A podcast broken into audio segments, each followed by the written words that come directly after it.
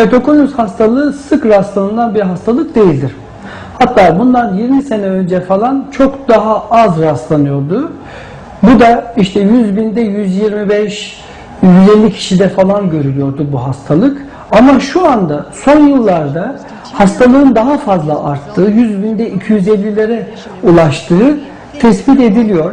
Bir de eskiden keratokonus hastalığını ortaya çıkaracak e, yeterli cihazlar yoktu. Çünkü ortaya çıkartılabilmesi için korneanın analizinin yapılması lazım, topografilerinin yapılması lazım, e, kornea arkasının orbiskenli çekimlerinin yapılması lazım.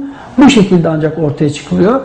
Yani bir yandan hastalığın orta çık- ortaya çıkartılma imkanları arttı. Bir yandan da hastalıkta da artış olduğunu düşünüyoruz. Kadın erkek oranına gelince kadınlarla erkekler arasında bir fark yok. Aşağı yukarı eşit. Korneadaki herhangi bir hastalığın keratokonüse neden olduğu konusunda elinizde tam bir veri yok. Yani nedeni bilinmeyen bir hastalık keratokonüs. Fakat bununla birlikte alerjisi olan kişilerde bu hastalığın daha sık görüldüğü tespit edilmiştir.